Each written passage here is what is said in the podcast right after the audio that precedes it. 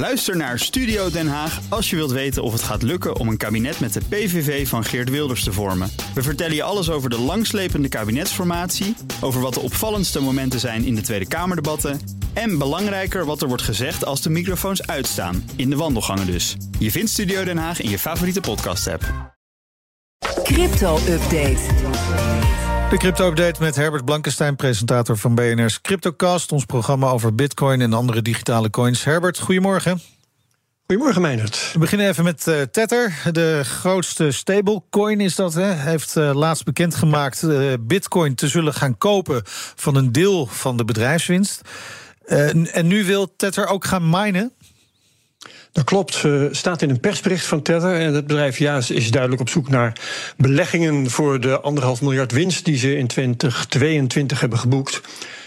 Uh, het plan is om te gaan minen en wel in Uruguay omdat dat land uh, voor 94% draait op duurzame energie. Wow. Ze hebben daar zon, ze hebben wind en waterkracht.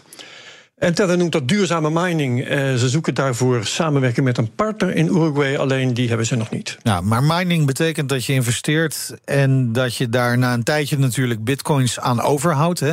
Maar Tether koopt dus ook bitcoins. Een van de twee kan maar voordeliger zijn natuurlijk. Waar, waarom kiezen ze niet voor een van de twee?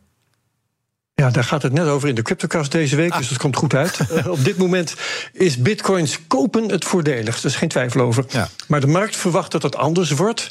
En als de koers van de bitcoin gaat stijgen, dan wordt kopen natuurlijk duurder. En de ja. opbrengst van mining stijgt juist. Op ah. beide kanten veranderen dan.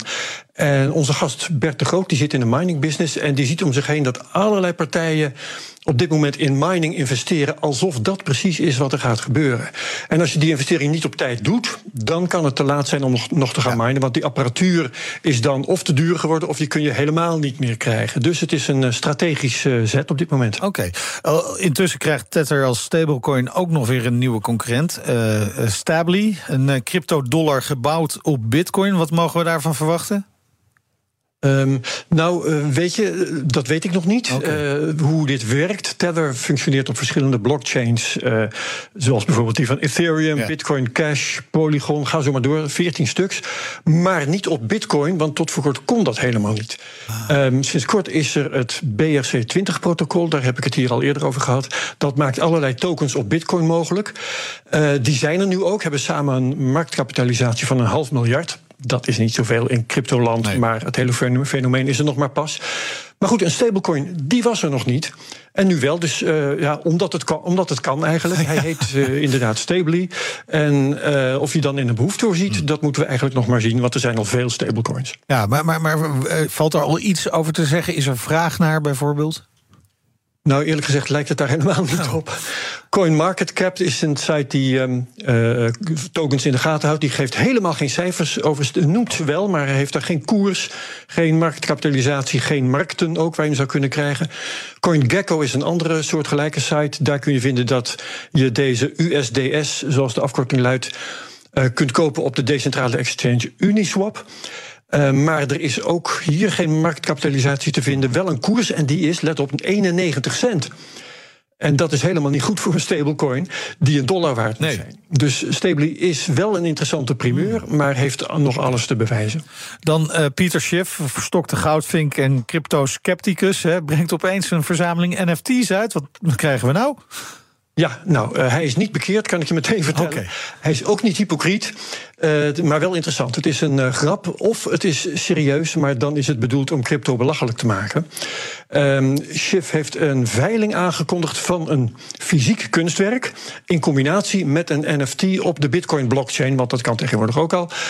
En daarnaast verkoopt hij 50 papieren kopieën van hetzelfde kunstwerk, uh, ook met een NFT erbij. En dat werk, dat is een vuist die uit de grond omhoog komt en die een goudstaf vasthoudt met wat bloemetjes erbij. En eigenlijk, als je het mij vraagt, is het dezelfde oppervlakkige troep die je wel vaker ziet als NFT-kunst. Oké, okay, maar, maar wat zijn dan de aanwijzingen dat het een grap is? Nou, uh, hij zou samenwerken, Pieter Schiff, met een artiest met de naam Market Price. Ah. Alleen die naam al uh, spreekt boekdelen. Ik heb zitten zoeken. Er is wel iemand te vinden met die naam, maar daar is heel weinig over te, te melden. En ik ben er eigenlijk niet eens van overtuigd dat hij echt bestaat. Um, verder is het de bedoeling dat belangstellenden morgen naar een bepaald adres komen voor de veiling. In plaats van dat ze gewoon online kunnen bieden. En dat is echt typisch voor een soort verlaten aprilgrap. Dus ik denk dat dat zoiets is. Ja, uh, dat is de reden om het uh, als grap te verwijzen. Maar zou het ook serieus kunnen zijn? Ja, dat zou heel goed kunnen, want um, ik hou het voor mogelijk dat hij gewoon een spelletje heeft gevonden dat hij niet kan verliezen. Want hij gaat nu om te beginnen wat geld verdienen aan uh, de verkoop. Ja. En misschien niet veel, maar misschien ook wel. Uh, in elk geval, uh, er komt geld binnen. En dan krijgt hij of gelijk met zijn negatieve houding in de toekomst. En dan wint hij inhoudelijk, want ja, crypto is niks. Of hij krijgt ongelijk en dan worden zijn NFT's waarschijnlijk meeliftend op de cryptomarkt een succes. Uh, dus hij wint altijd. En het risico is voor de cryptofans die nu zijn NFT's kopen. Dus het is voor hem sowieso lachen. Maar alleen als die veiling er ook daadwerkelijk komt. Ja, precies. Uh, dus, uh, en dat zullen we morgen weten, want morgen zou dat moeten plaatsvinden. En dan komen alle, allerlei mensen al dan niet voor niks. Maar ja, als je de cryptogemeenschap op een slimme en ook grappige manier wil plagen, dan uh, moet het volgens mij zo. Ja, wat in ieder geval wel komt, is de Cryptocast deze week weer. Bert ja. de Groot van Bitcoin Brabant, die is de gast. Ja, precies. Ja, ja, en we hadden hem eerder over de vloer. Hij is een ondernemer die Bitcoin mining combineert met verwarming. Of met overtollige energie van zonnepanelen. Of soms ook met negatieve elektriciteitsprijzen, die je steeds vaker hebt, ook deze week weer. En in alle gevallen is mining uh, ja, uh, meer een oplossing dan een probleem. Je gebruikt energie dubbel, of je gebruikt een overschot dat anders zou worden weggegooid. Of je helpt elektriciteitsbedrijven van een probleem af. Dus het is altijd een win-win-win. Ja, wie weet komt uh, Tetter ook nog wel zijn kant op dan. Dankjewel, Herbert. Alle afleveringen van de Cryptocast zijn te horen via de BNR-app, bnr.nl of een podcast-app van jouw keus. De crypto-update wordt mede mogelijk gemaakt door Bits, de Bitcoin-spaardienst van Bitonic.